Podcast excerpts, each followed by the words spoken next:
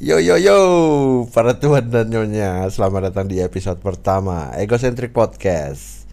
Dan di episode pertama ini gue mau bahas uh, tentang apa yang baru terjadi di beberapa hari belakangan ini.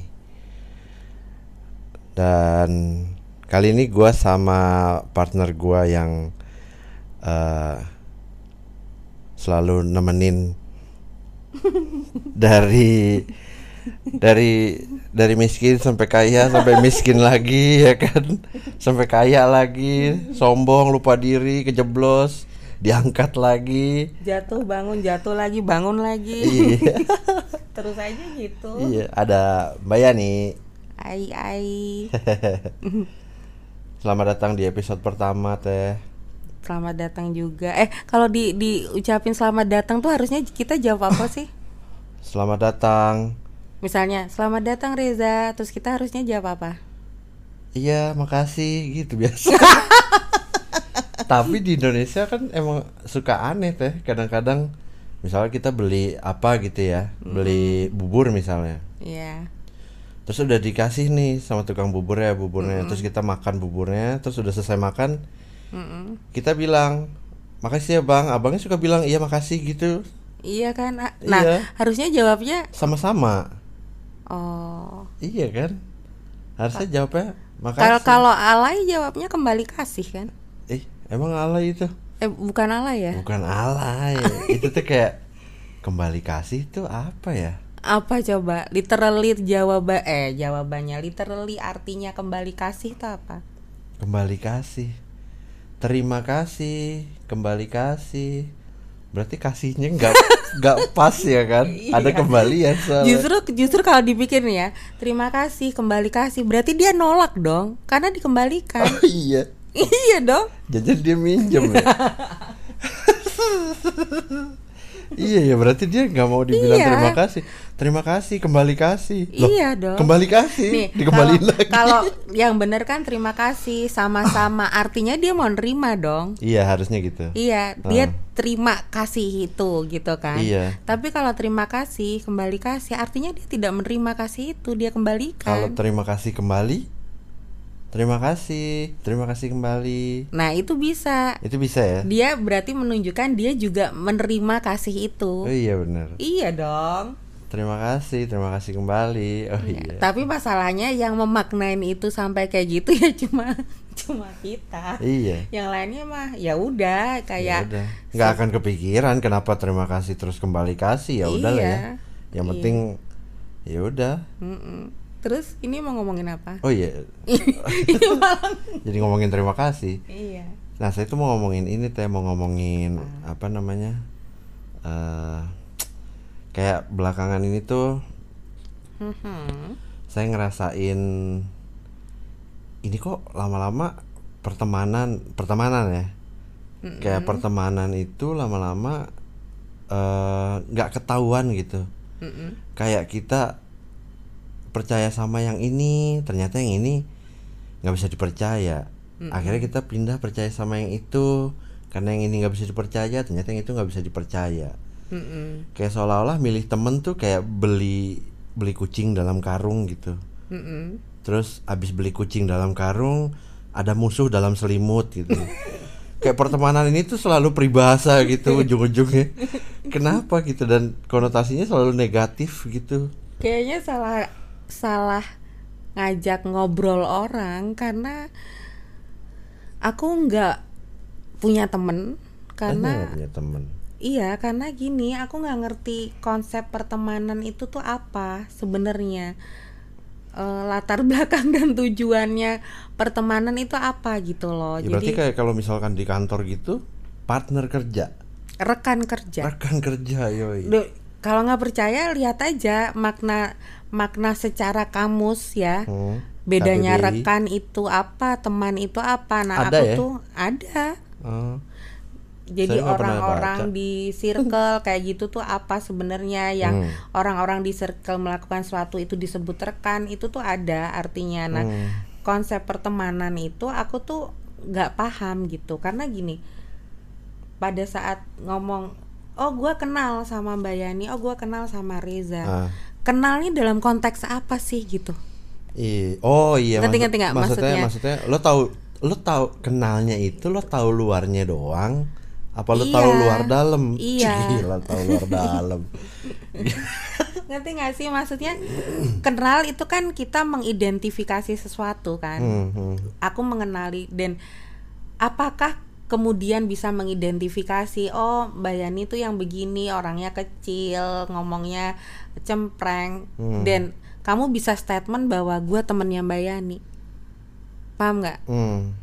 hanya ha- hanya mampu mengidentifikasi apa yang dia lihat secara visual Kalau menurut saya itu namanya tahu.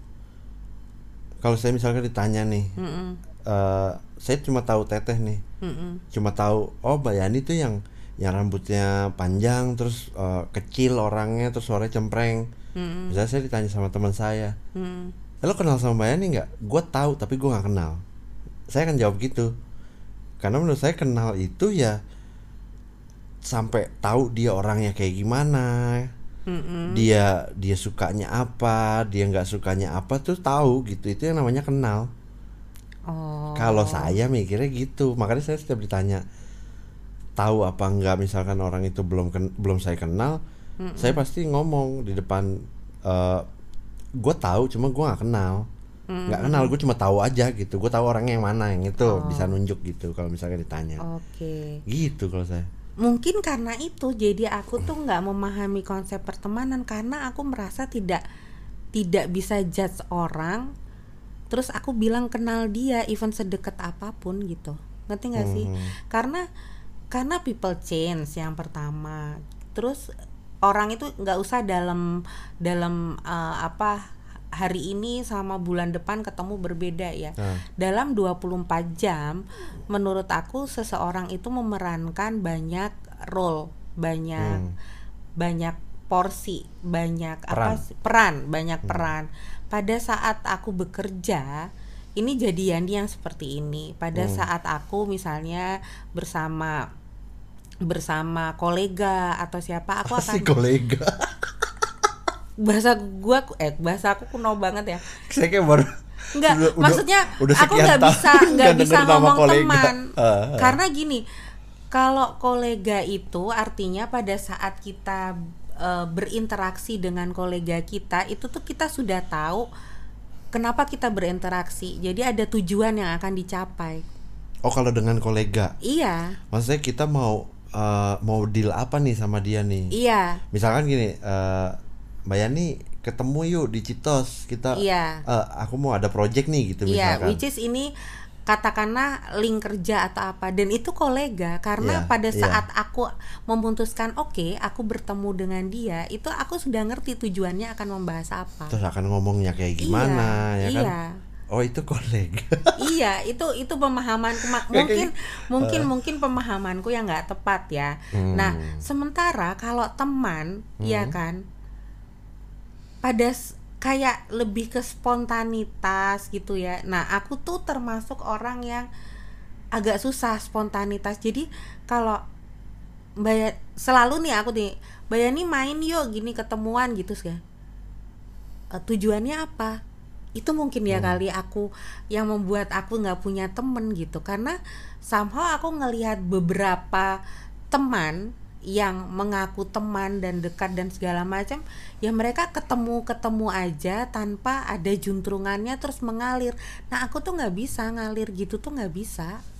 Oh iya. Ngerti nggak? Untuk aku bisa kemudian kayak gini misalkan eh apa namanya kalau sekarang tuh kan misalkan orang ngajak ngajak ini nih ngajak main nih. Mm-mm, ini antar teman nih obrolan antar teman. Mm-mm.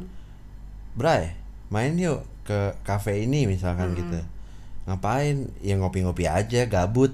Mm-mm. alasannya cuma karena gabut gitu. Iya. Cuma karena gabut mereka hangout gitu. Iya. dan di sana nggak ada obrolan yang pasti nggak ada tema obrolan yang pasti ya udah ngalir aja gitu. Mm-mm. jadi on the spot gitu modelnya teh kayak iya jadi kan kayak nggak well plan aja gitu Iya, jadinya. nah, nah, dengan tidak well plan itu kecenderungannya apa? release something kan? Well jadi light gitu loh maksudnya hanya di permukaan aja. Sementara balik tadi kalau Reza bisa state lu tahu Mbak Yani nggak? Eh lu kenal Mbak Yani nggak? Gue cuma tahu tapi tidak kenal. Hmm. oke? Pada saat kenal berarti kan dia teman Oke. ha. tapi momen-momen yang mem- membuat mereka bertemu itu light di permukaan. Padahal kalau kenal harusnya luar dalam. Pertanyaan aku, pada saat di dalamnya yang bermasalah, apakah hangout? Pertanyaan aku. Enggak. Pada saat dalam yang bermasalah, kita akan cari orang yang terdekat kita kan, Iya. Iya. keluarga.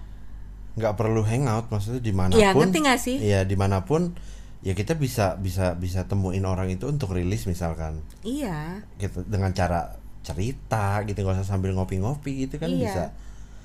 Kayak eh kayak saya punya apa namanya baru baru aja ngalamin gitu. Tapi ini cuman analisa analisa apa ya kalau zaman zaman sekarang tuh? Hmm. analisa oh Anabel analisa gembel gitu. Maksudnya belum pasti ini tuh kebenarannya belum pasti gitu oh iya, ya kan? iya masih. ya masih abu-abu gitu. Iya. belum belum hitam atau putih gitu. Nah kayak saya tuh ngerasa eh punya punya temen gitu. Mm-mm. punya temen nah terus ada ada satu ad- saya ada ada di dalam satu masalah gitu ya kan? Ada di dalam satu masalah nah terus yang ikut menyelesaikan masalahnya itu tuh banyak orang gitu teh. Hmm, hmm. banyak orang banyak orang eh cuma yang yang peduli setelah masalah ini diselesaikan apa yang saya rasain apa yang saya alamin. Terus eh, nextnya saya kayak gimana nih gitu nggak ada. Hmm. Nah, kembali lagi ke konsep kenal tadi loh. Reza bilang kenal artinya cakupannya cukup luas kan Iya. dalam rangka kita menjadi teman itu. Cakupannya cukup luas dari luar dan dalam. Tadi Reza nyontoin gitu. Ada satu masalah, terus tiba-tiba banyak orang yang ikut terlibat di situ kan. Mm-mm. Dengan konteks pertemanan. Nah, ini aku berhubung kenal Reza ya. Aku Iya. berani state aku kenal Reza dan aku tahu Reza tuh nggak suka model yang menyelesaikan masalah dengan menyelesaikan forum masalah dengan forum. Iya. Artinya mereka teman atau enggak? Itu loh yang aku maksud. Ngerti Nah nggak sih? iya iya maksud saya gitu kenapa ada sa- salah satu wes ada kereta deh ini ini TKO-nya di mana? Di stasiun kereta, Mas. di bedeng bedeng belakang stasiun enggak nah iya makanya kebetulan eh, itu salah satu yang saya nggak suka menyelesaikan masalah dengan forum Mm-mm. karena padahal masalah yang saya alami itu cuma sama satu orang gitu ya kan Mm-mm. kenapa nggak orang itu selesai masalah sama saya gitu. Mm-mm. eh itu yang pertama terus mereka nggak nggak ya udah abis menyelesaikan masalah nah ini sama kayak gini kasusnya teh kayak misalkan saya lagi sedih Mm-mm. terus saya cerita sama teman saya Mm-mm. harapan saya adalah saya dapat dapat masukan dapat eh eh dihibur atau apa pun itulah gitu cuma menjadi bullshit teman-teman itu ketika saya sedih mereka cuma yang sabar ya men Mm-mm. Nah, hey maksudnya maksudnya maksudnya saya tuh bukan anak kecil lagi yang sabar tuh harus disuruh gitu Mm-mm, mm-mm, mm-mm. kayak kalau pacaran tuh jangan lupa makan ya makan Ya kalau kita bisa sabar kali. kita nggak cerita dong. lah iya bener dong Iya kan? kayak jangan lupa makan misalkan pacaran juga kan gitu Iya, ya iya. kan orang perut gue bisa bunyi kok Nah. gue tahu ya artinya mereka bukan teman kan pak seharusnya kalau dia kenal tahu luar dalam pada saat pada saat misalnya Reza curhat Hmm. dia kenal nih sama Reza harusnya dia tahu dong ekspektasinya Reza eh jangan diselesain secara forum Reza tuh nggak suka iya jangan disabar-sabarin Iya, lo, lo lo harus kasih masukan gitu. Tapi kan gua gagu gitu misalkan. Iya. Ya, ya gimana kalau gitu? nggak nggak nggak maksudnya ya gitu. Iya maksudnya mereka tuh kayak nih itu kan harusnya cuma di, cuma bisa selesai dengan cara mikir gitu ya teh. Mm-mm. Mikir kalau mikir apa kepikiran ya berarti kan mereka nggak kepikiran kalau saya Ya itu makanya jangan kenapa aku tuh tidak mau mengklaim itu temen aku gitu. Misalnya kenapa aku selalu ditanya, "Mbak, lu ada tem eh, kenapa lu nggak punya temen?" Karena memang aku selalu klaim ak- aku tidak punya temen karena aku tidak berani ngomong. Gua kenal seseorang itu di tengah, gua nggak tahu luar dalamnya gitu. Sampai aku aku pribadi nih Reza, aku tuh punya istilah teman hati. nah teman hati itu even kita tanpa ngomong dia ngerti karena pakai rasa iya Hmm. nah itu buat gua itu baru temen tapi temen itu jadi cetek karena pergaulan yang ada sekarang itu konsep pertemanan jadi light padahal teman teman arti sebenarnya dengan basic kata kita saling mengenal luar dalam harusnya teman hati. Jadi aku justru mengangkat derajat arti pertemanan dengan punya istilah baru teman hati dan kita bisa punya sekian teman ya Reza. Hmm. Reza di sini ada temennya, di sana ada temennya. Tapi percaya aku hitungan jari kok yang teman hati yang dia bisa ngerti tanpa kita ngomong. oh iya jelas pasti Gitu. Nah, kalau disuruh milih dan aku bangga eh, termasuk orang yang bangga bisa bilang eh, aku nggak punya temen tapi at least aku tahu aku punya teman hati Iya. gitu gitu sih jadi ada apa-apa tuh nggak ngomong jadi nggak akan tuh keluar sabar puk-puk gitu somehow yang aku pinginin kalau misalnya ada lagi ada masalah nggak cerita apa-apa terus suddenly dia ngomong you are not alone ya nih iya Semua- kayak kayak kita cuma cuma nunjukin gestur. Bukan nunjukin ya tapi ada beberapa orang yang emang kalau marah dia nggak bisa nutupin mukanya gitu. Maksudnya dia dia nggak nggak pandai berpura-pura lah gitu. Ya kan pasti kelihatan kan. Nah teman yang ngerti itu akan akan tahu ketika dia ngelihat raut muka. Misalkan saya lagi marah terus eh, katakanlah saya punya teman hati terus dia ngelihat raut muka saya nih kayak cemberut gitu ya kan. Cemberut atau alisnya nyureng gitu kan. Terus dia bilang nggak bilang dia nggak ngerasain kenapa nggak ngerasain saya kenapa aja cuma nanya aja itu udah berasa sebenarnya di dia kan. Iya. Kata lau kenapa bro? Gitu. Iya. Even cuma di ditanya kamu kenapa somehow itu rilis loh. iya ah gila finally ada yang Ada, yang, bisa ngerasain aku. Iya. Nah, itu. karena kadang kadang eh, beberapa orang kan nggak bisa mengutarakan apa yang dia rasa nih Mm-mm, ya mm-mm. kan Iya. sehingga dia nggak punya kebenaria keberanian untuk nyampein eh, yang sedang dia rasain nih sehingga dia butuh ditanya dulu gitu ya kan. Iya, butuh Kalau dipancing. butuh dipancing dengan dipancing dia akan cerita. Dan orang kalau nanya udah pasti dia mau dengerin. Gitu nggak sih? Belum Iya. tentu. Apa cuma basa-basi doang? Kalau orang nanya, udah pasti dia mau dengerin dong iya. Maksudnya ya lu berani berbuat berani tanggung jawab lah gila lu nanya-nanya doang gue jelasin Iya. lu nggak mau denger Iya. anjing lu. Makanya pada saat saat kita punya teman hati itu dengan dia tanya kenapa, itu tuh maknanya dalam. Are you okay? Kenapa? Itu maknanya dalam. Iya. Artinya dari sisi yang bertanya, dia sudah siap kan?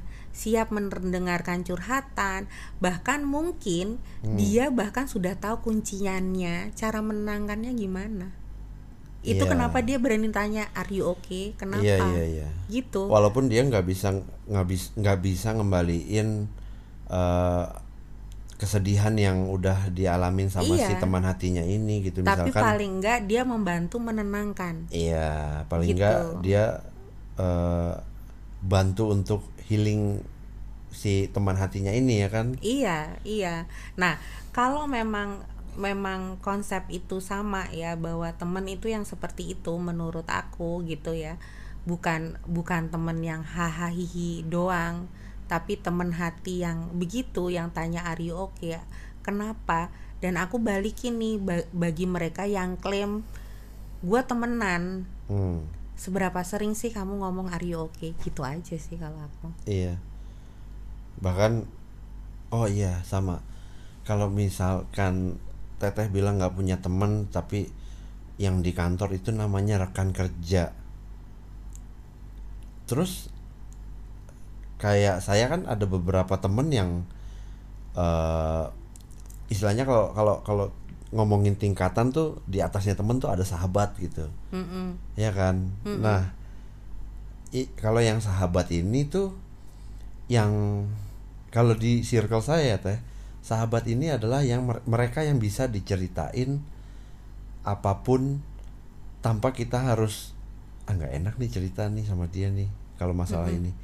Jadi nggak ada nggak ada sama sekali yang ditutupin karena kita nggak nggak meragukan reaksi dia atas cerita kita gitu. Mm, nggak ada was-wasnya. Nggak ada was was nggak ada ya nggak pakai mikir lah mau cerita apa pun mau cerita oh kemarin jemput gua rontok bray gitu misalkan ya kan? Nggak nggak peduli gitu nggak nggak peduli kita mau cerita apa ya udah cerita aja.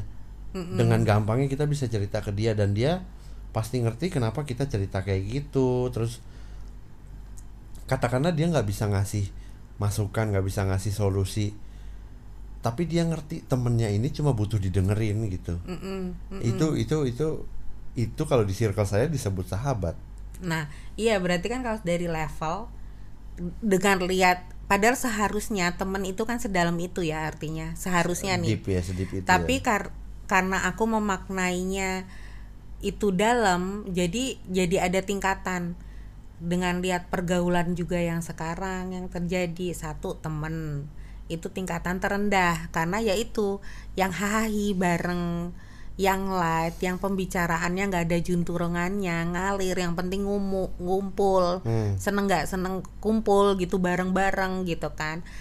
Eh, tingkatannya keduanya adalah sahabat. Sahabat itu gini tingkatan paling atas adalah teman hati menurutku. Sahabat itu asik diajak ngobrol aja gitu. Kayak kita ngomong apa pun tuh Nyambung, nyambung, nyambung, iya. jadi tidak hanya cerita sedih tapi cerita seneng pun itu tuh enak diobrolin Iya, sama dia iya. itu sahabat gitu. Jadi oh gue tahu nih kalau dia ngomong gini pancingan nih gue akan jawabnya gini. Kalau mamanya dia ngomong gini gue jawabnya gini. Dan akhirnya mengalir jadi ngobrol. Itu bisa dibilang sahabat. Tapi sahabat belum tentu teman hati. Oh iya. Gitu loh. Terus tingkatan paling berat ya adalah teman hati. Karena teman hati itu menurut aku ya kita tanpa ngomong dia ngerti. Hmm. Dan ready gitu loh pada pada saat dia menyiap bukan menyiap dia membuat dirinya sendiri siap untuk menerima eh, teman hatinya dia apa pun yang dilakukan gitu. Iya. Gitu. Nah kalau sahabat itu lebih ke ngobrol asik mau ngobrol mau julid bisa kasarannya gitu loh. Mau gosip bisa kalau di cewek-cewek ya. Mau ngobrol apa nyambung gitu. Tapi kalau pas eh, mau galau-galauan juga nyambung gitu. Iya. jadi nggak cuma disedih doang diseneng nah kalau temen hati tuh lebih pada kalau ada isu ada masalah dan segala macam kita tahu kita lari ke mana gitu. Iya. Gitu. Iya. gitu Nah. sih kalau misalkan ini saya mau eh, mau apa namanya? Mau nyeritain yang sering terjadi nih di circle kita nih teh. Di circle saya lah paling enggak di circle saya itu suka terjadi kayak gini. Misalkan eh, saya ngomong nih saya misalkan main ke rumah teteh. Mm-mm. ya kan? Terus saya ngerasa rumah teteh tuh serem gitu horor gitu. Mm-mm. angker. Ya kan? Ih kok rumahnya gini sih? Bikin gua merinding gitu. Nah terus saya pulang. Habis dari rumah teteh saya pulang saya cerita sama teman saya nih. Ya kan? Cerita sama teman saya ih tadi gua main ke rumah Mbak Yani. Anjir serem banget di rumahnya. Hmm. terus gua abis main di rumah Mbak Yani tuh kayak dimimpiin gitu loh mimpinya serem gitu Mm-mm. tapi lu jangan bilang-bilang lagi. Nah kan suka ada gitu tuh di pertemanan kan. tapi lu jangan bilang-bilang lagi sama Mbak Yani kalau gua ngerasa serem main ke rumah dia gitu. Nggak enak aja gitu ya kan. Nah terus eh teman saya yang saya ceritain ini pulang nih. Mm-mm. ketemu sama suaminya misalkan. Dia cerita sama suaminya ya kan. Suaminya dia cerita nah terus abis dia cerita sama suaminya suaminya nanya ke teteh. Balik dong. Balik lagi kan nyampe lagi kan omongannya. Berarti kan yang teman saya yang ceritain ini eh, yang saya ceritain pertama saya bilang jangan bilang-bilang lagi sama Mbak Yani ya. Hmm. dia nggak salah dong. Dia nggak nggak nggak Karena menceritakannya bukan ke Mbak Yani tapi tapi nyeritain ke suaminya Iya. yang cerita itu suaminya Mm-mm. ke teteh Mm-mm. ya kan nah terus oh teteh jadi tahu oh ternyata si Reja nggak mau main ke rumah gua gara-gara itu pantasan beberapa akhir-akhir ini beberapa kali gua ajakin main Nggak dia mau. Ah. nggak mau ya kan akhirnya teteh negor si negor saya nih Mm-mm.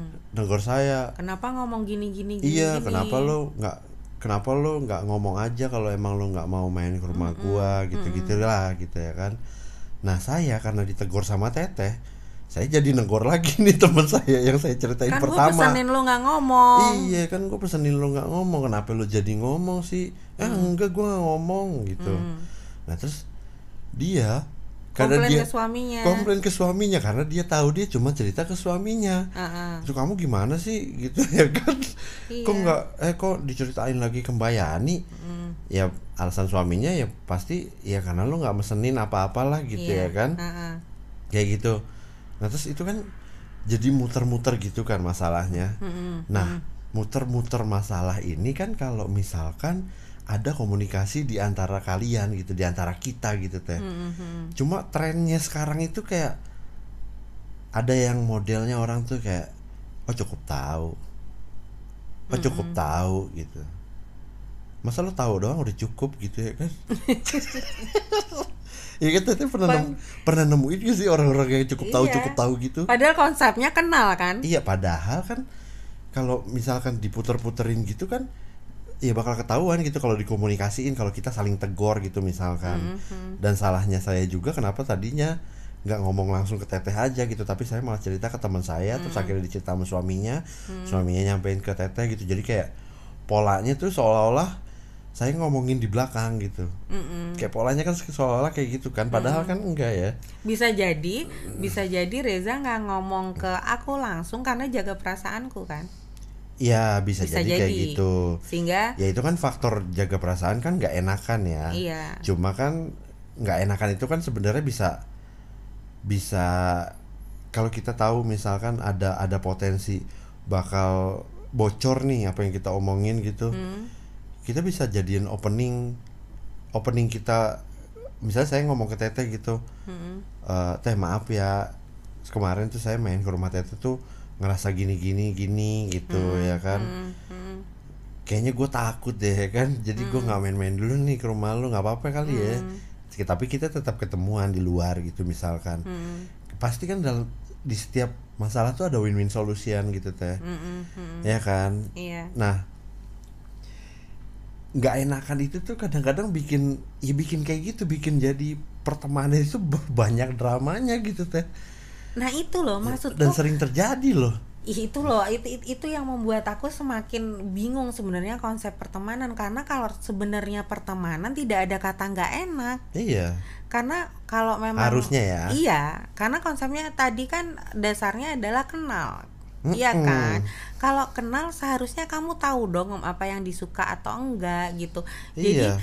bukan bukan nggak enakan ya ya kamu tahu akan ngomong sesuatu itu untuk hal yang ti- dia tidak disukai ya kayak Ya. kayak Reza ngomong tadi itu kan tinggal kita gimana ngaturnya Mbak sorry ya mungkin ini lo nggak suka tapi gue harus ngomong daripada lu tahu dari orang lain Hmm. jadi gue tuh kondisi gue gini loh yang bikin gue nggak nyaman gini-gini sehingga terjadi diskusi dengan oknumnya langsung nggak ke mana-mana gitu kan Hmm. yang terjadi nah menurut aku nih Reza selama j- masih ada nggak enakan kalau orang Jawa bilang pekewoh gitu kan untuk ngomongin apa adanya Hmm. dan berarti kamu bukan temen gitu loh iya itu makanya aku tuh bilang aku nggak punya temen gitu Hmm. karena ribet jadinya ribet dalam arti ya elah maksudnya mau ngomong ada rasa pekewohnya kalau hangout berarti kita harus ngalir hahi hahi gitu loh Hmm. Nggak ada nggak ada nggak tahu ya Kak. aku tuh mungkin karena terlalu ruwet juga dan banyak orang yang memang ngomong aku ruwet gitu ya. Jadi Pikirannya. kayak iya ruwet pikirannya. Jadi kadang tuh misalnya aku bisa loh Reza di tengah mereka ketawa-ketawa. Saat itu aku ikut ketawa tapi dalam sekian ini tuh aku bisa yang diem. Kenapa gua ketawa ya? Jadi aku mempertanyakan kenapa aku ketawa gitu. Ngerti nggak sih? Oh iya iya ngerti iya, nggak? iya. jadi ya karena itu karena ketawa dan nguap itu kan nular ya iya makanya. Kok Jadi- gua jadi- ketawa ya gitu? jadi ke- ketawanya Tete itu bukan karena merasa ada yang lucu tapi Tete itu ketularan gitu. Bisa jadi. Iya. bisa jadi. Ketularan harusnya pakai masker lah. Biar nggak ketularan ya. Iya. kan? nah cuci itu. tangan habis itu. Mm-mm. ya maksudnya pertemanan tuh sebenarnya sepelik itu loh